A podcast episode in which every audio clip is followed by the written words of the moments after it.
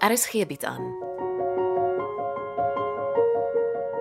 Ou liefde roes. Deur Jo Kleinhans.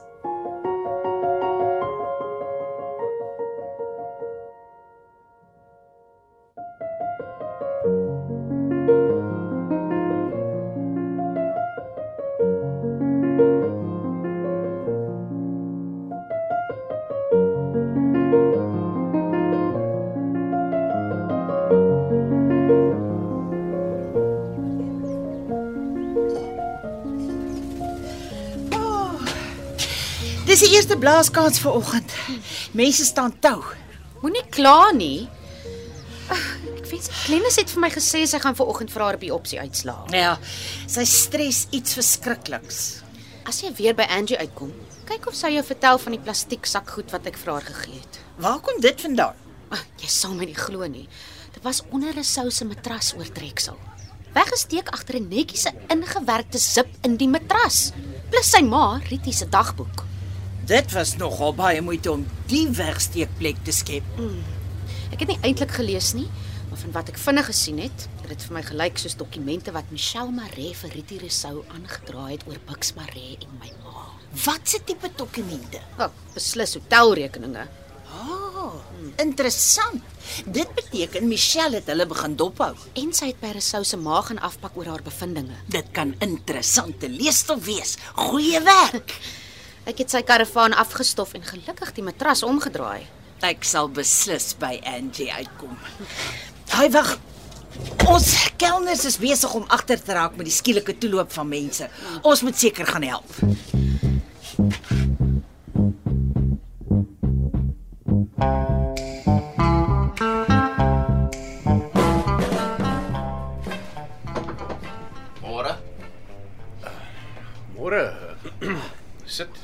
Dankie, ek staan sommer. Waarmee help ek? Kykie. Wat is jou intentions met Glennis? Ekskuus. O, oh, ekskuus. Miskien nou ewe skielik doof.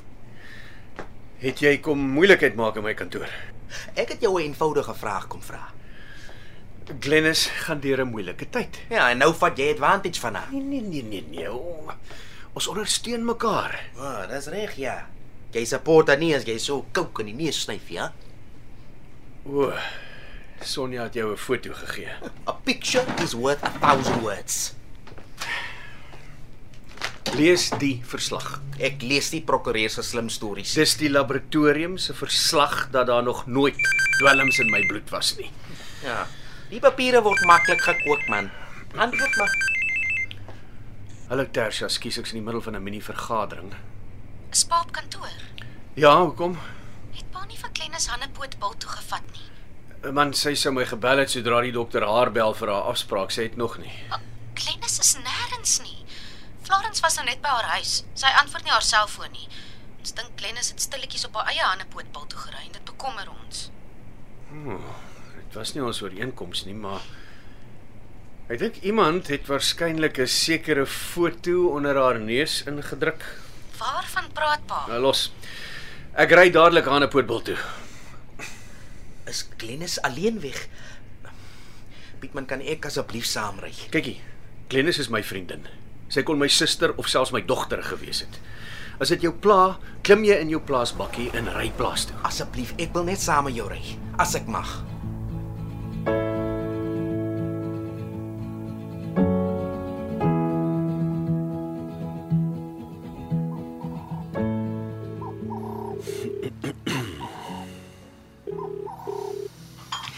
Tersia is besig met 'n kliënt, Pietman. Eh, Ons staan buite die dokter se spreekkamer in Hanepoot bult.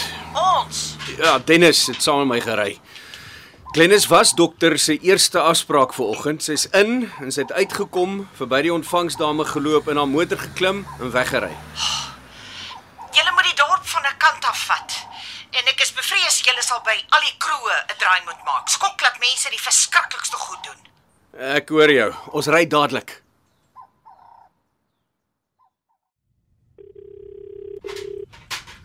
Antwoord nou, Angie. Môre Florence, ek sit nou net aan jou en dink. Hoorie, ons twee moet bymekaar kom. Ek het interessante inligting om met jou te deel. Môre vriendin, jy's nie straks saam met Glennis Hanepoot wil toe nie. Nee. Met die apteekkopery het ek Glennis eintlik skandelik afgeskeep, veral toe ek hoor Pietman vat haar. Maar ons kom nou agter Glennis is alleen spesialis toe vanoggend. En jy het nog nie van haar gehoor nie. Ja, En nou het sy van ons radarskerms verdwyn. Mens kry die idee sy het nie goeie nuus ontvang nie. Ai, tog. Ek het die ding met Glenys begin. Ek moes meer kragtadig opgevolg het. OK, ek begin dadelik soek na. Nee, dit is oukei. Okay. Pietman en Dennis September soek na. En dalk kom sy by jou uit. Ons hou kontak. Bye. Weet tannie Angie ook niks nie. Nee, nie 'n woord nie. En sy voel sleg, want sy het die ding met Lennis begin. Sy voel sy moes meer kragtadig opgevolg het. Ons was almal ewe treurig.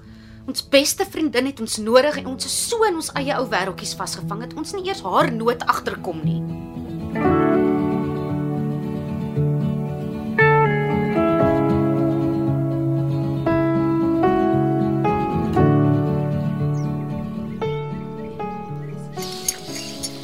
Ja, Piet man. Ons is deur die hele dorp. Glennis is hier aan 'n potbultie. Ons drink ons koffie en eet ons broodjie en dan ry en vat ons wingerdsvlei van 'n kant af. Ja, wel, sy's op 'n plek in haar lewe waar sy altyd die ergste verwag. Ah, Glennis is ook op 'n plek in haar lewe waar sy mooi sien wanneer ander hulp nodig het. En sy loop nie verby nie. Sy was al 3 keer saam met my by hulp vir drankverslaafdes. O, is dit waarin jy was? Jong, as jy nie vir Glennis de Bruin kan vertrou nie, is daar fout met jou kop, Dennis. Ja, nee, ek's jammer man. Ag. Ou is maar jou eie grootste enemie. Dis omdat jy ook maar soos Glennis altyd die ergste verwag. Man, dis of ons dorp ons so verander het. Jy kry die een curveball na die ander, dit hou net nie op nie. En baie van die goed wat met ons gebeur, is selfvervullende profeseë. Mm. Ons sê goed gaan gebeur en as ons verbaas as dit gebeur. Jy weet, ons kort dalk net 'n bietjie meer positiewe denke. Ja, die koffie en broodjie het nou my batteries gecharge. Ja. Kom, ons gooi wingerdsvlei toe. Ja.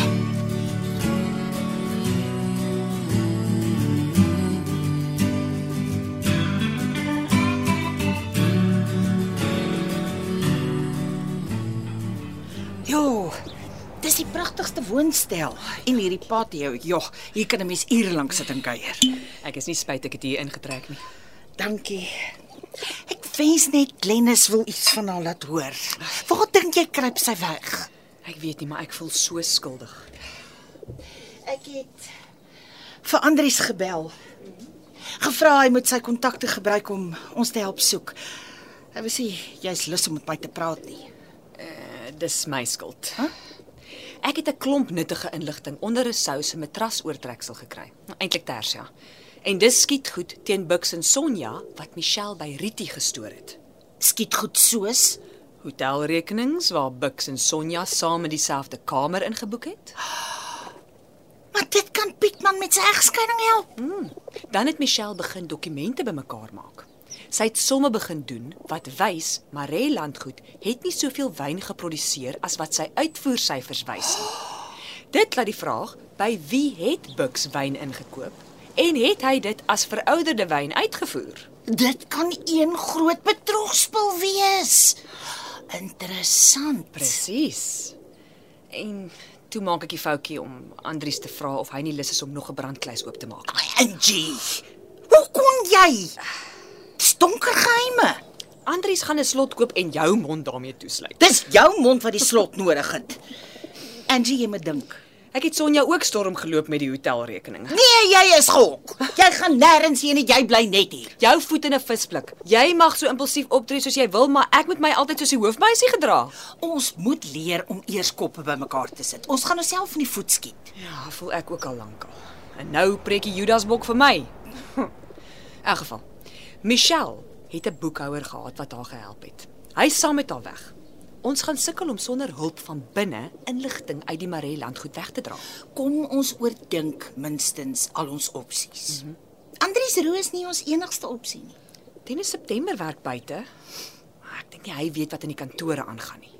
Angie, mens kry knap kuberkrakers. Hulle kan in rekenaarstelsels inbreek en inligting aftrek. Gee my net kans om te dink. In plaas tog 'n groot vet wag voor jou mond.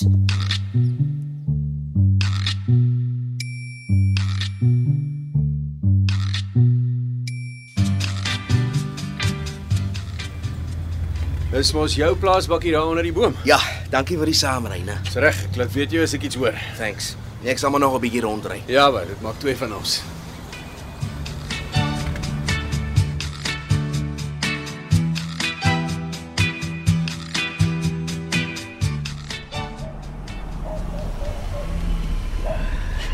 Dan tantie Florence. As jy soos die verlore seun buite in die donker voor Glennis se huis sit, beteken dit net een ding. Glennis het nog nie huis toe gekom nie. Nee, Sy sal. Sy moet net oor die skok kom. as ons genuine vriende was, sou sy my gebel het. Sy het niemand van ons gekontak nie. En ons kom al 'n lang pad saam met Glennis. Ek hou baie van Glennis. Maak seker sy weet dit. Nou, hoe as ek na weer kom is dit een probleem op die ander. Hou net aan. Glennis is dit werd. En nou moet jy plaas toe ry of jy gaan sop nat reën.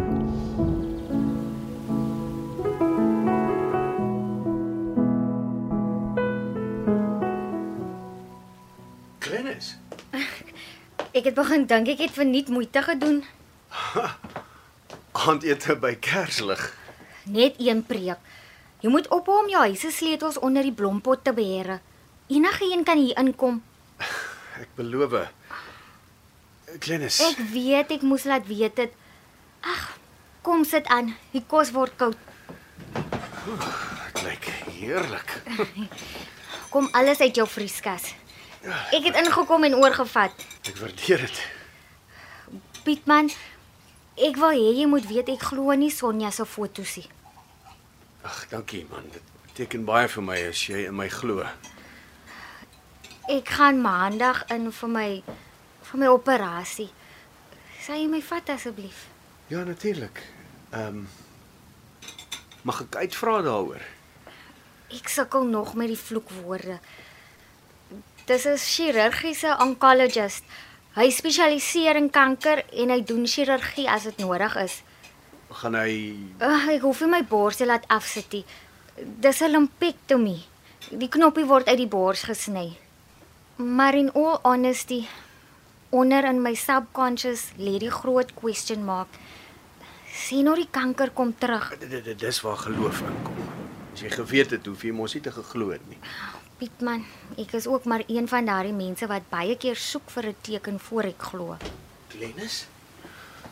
Dennis, uh Kom sit. Uh Glennis het vir baie mense gekook. Maar nee, die is fyn. Die huis was oop. Ek ek wou net kom dankie sê dat ek vandag saam met jou kon ry om na Glennis te soek. Ja. Sorry, uh ek het nie geweet jy het 'n appointment hier. Toe maar ek ek ken die pad uit. Thanks.